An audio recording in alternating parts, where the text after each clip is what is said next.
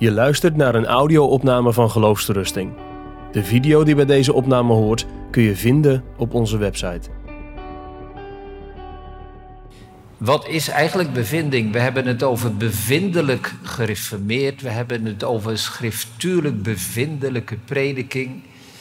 Wellicht dat je dominee zegt in een preek over zondag 7 van de catechismus, wanneer het gaat over geloof.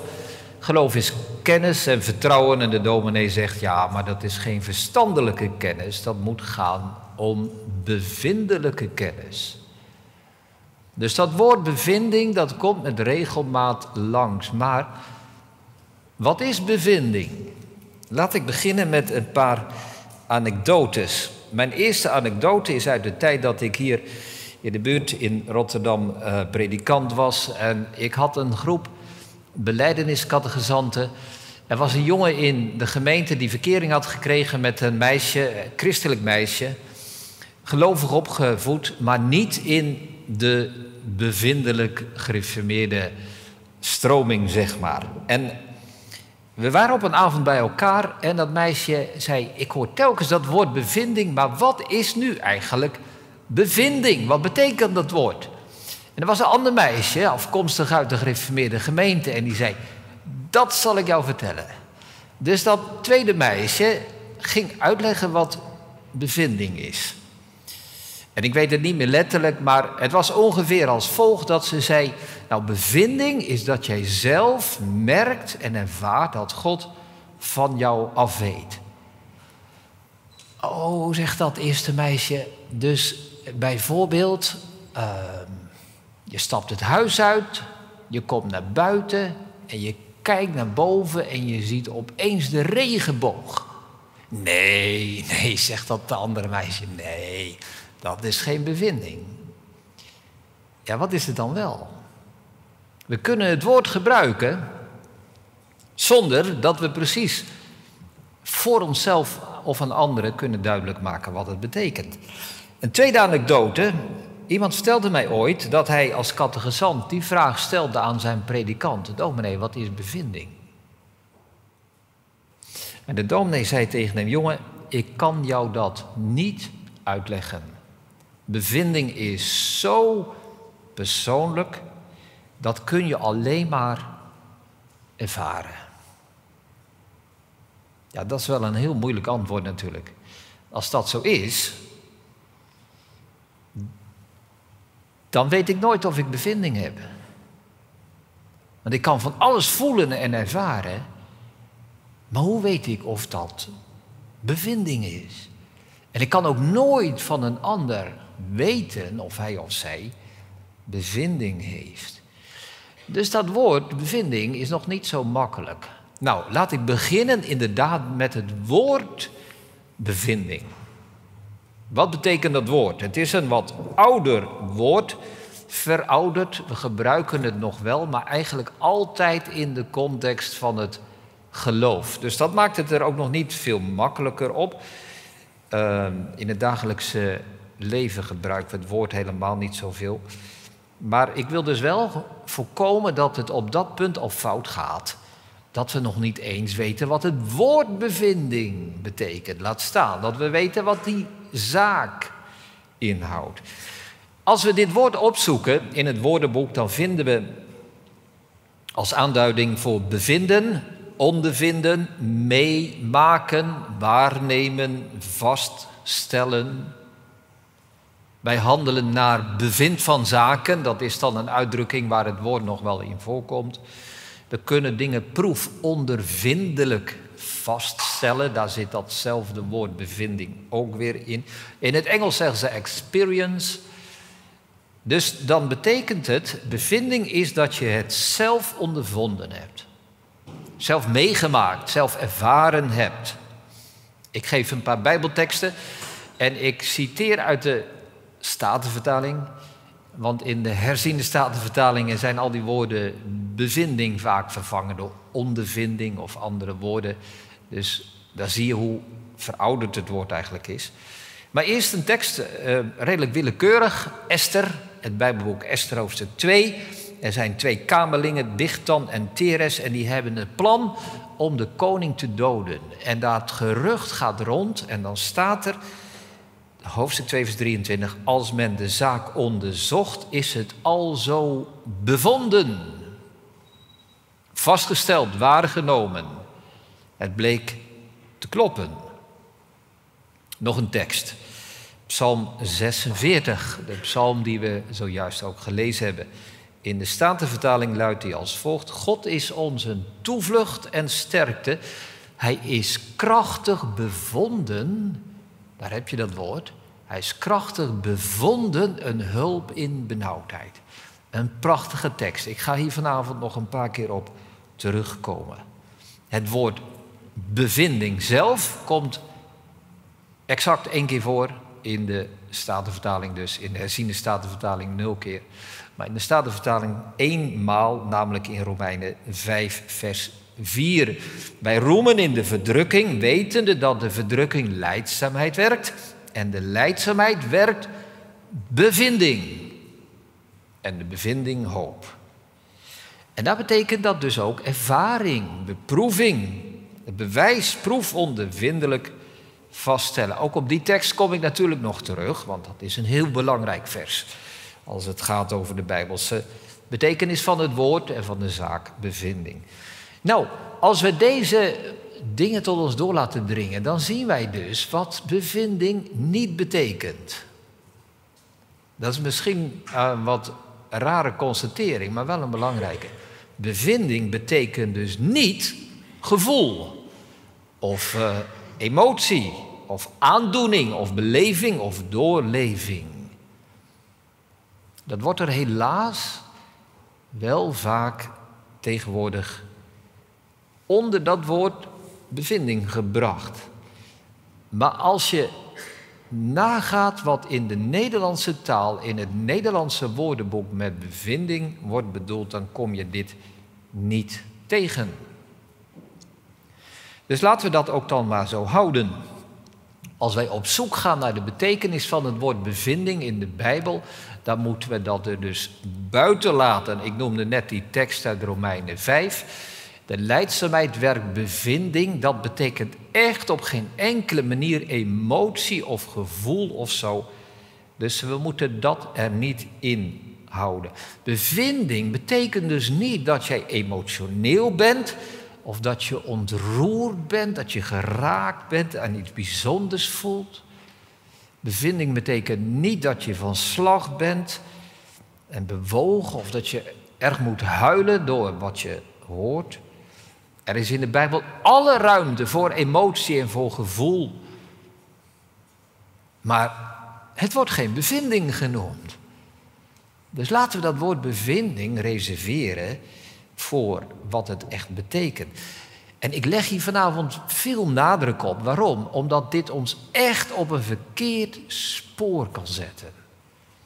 Als we het woord al niet helder hebben. Stel nu dat bevinding wel betekent dat jij dingen moet.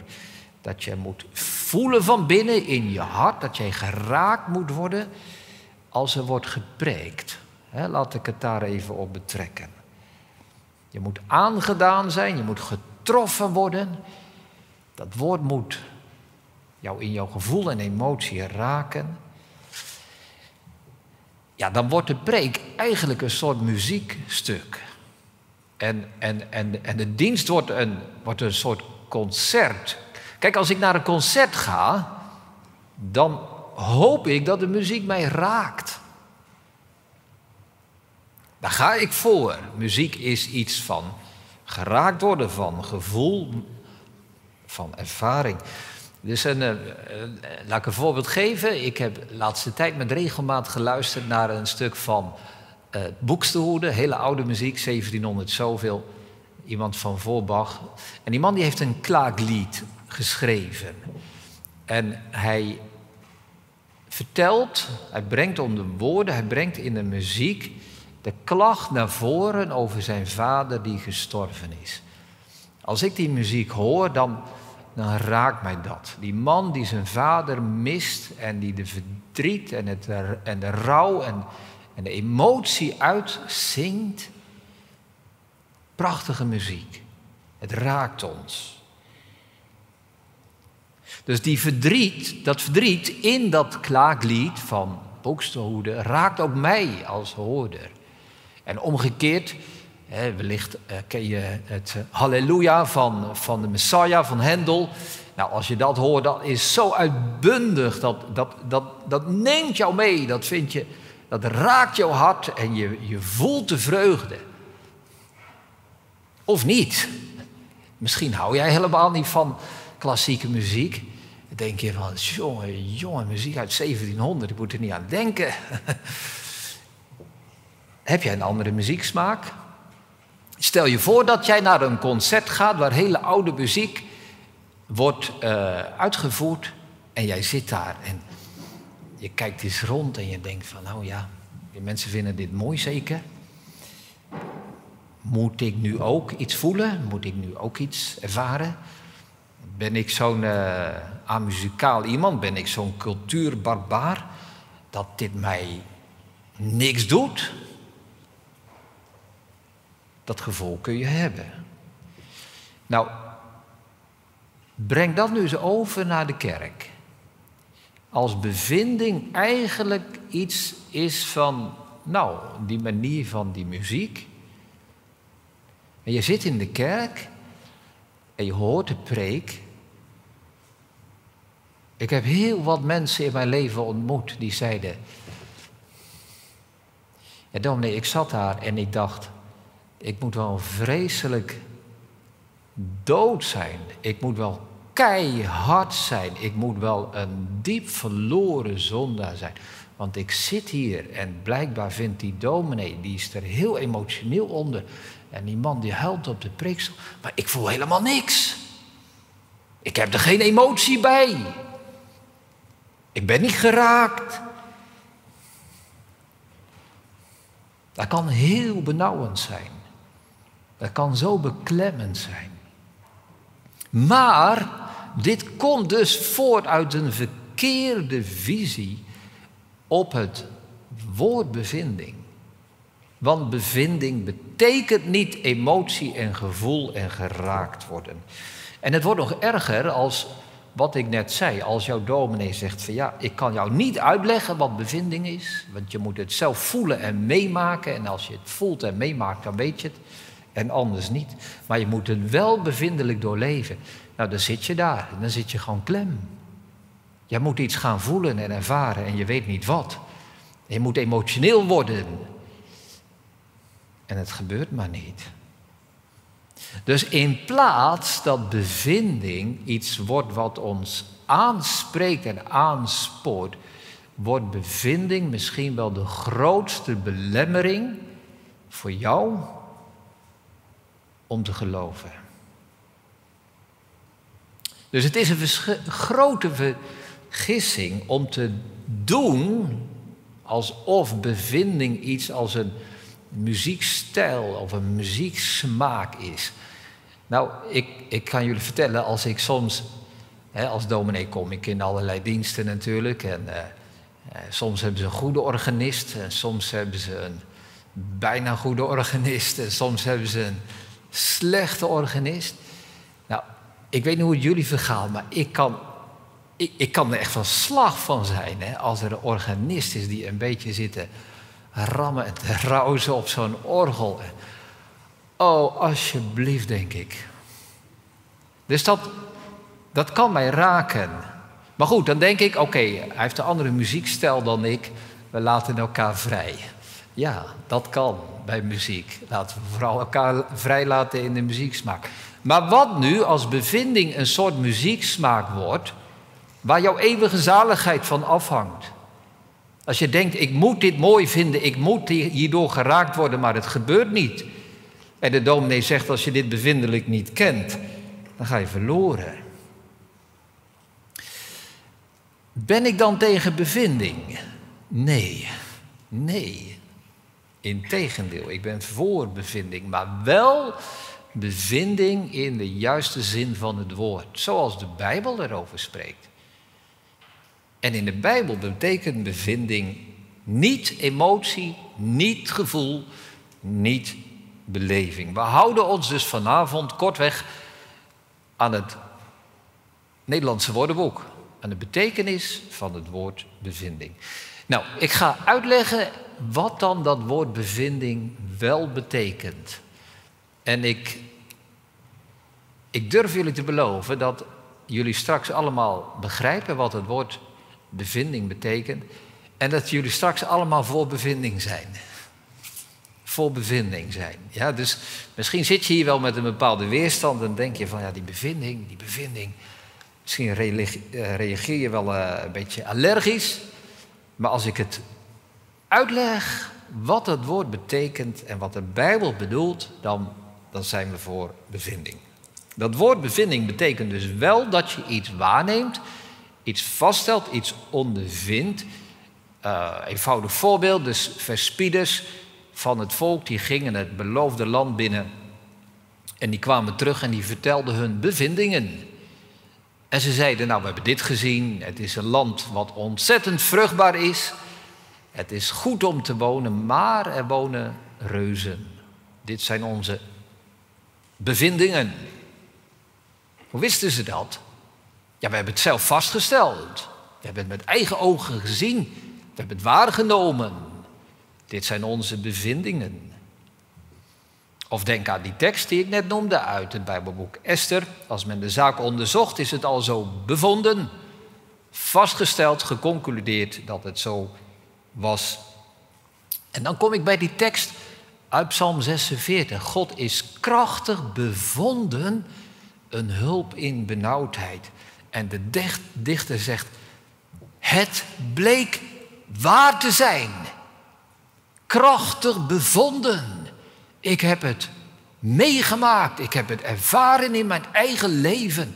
Ik kan het vaststellen dat het zo is. God is een hulp in benauwdheid.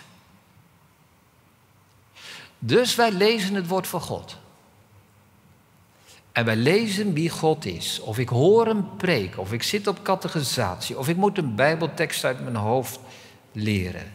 Is het waar wat ik daarin hoor en lees? Ja, dat is waar. Ik geloof dat.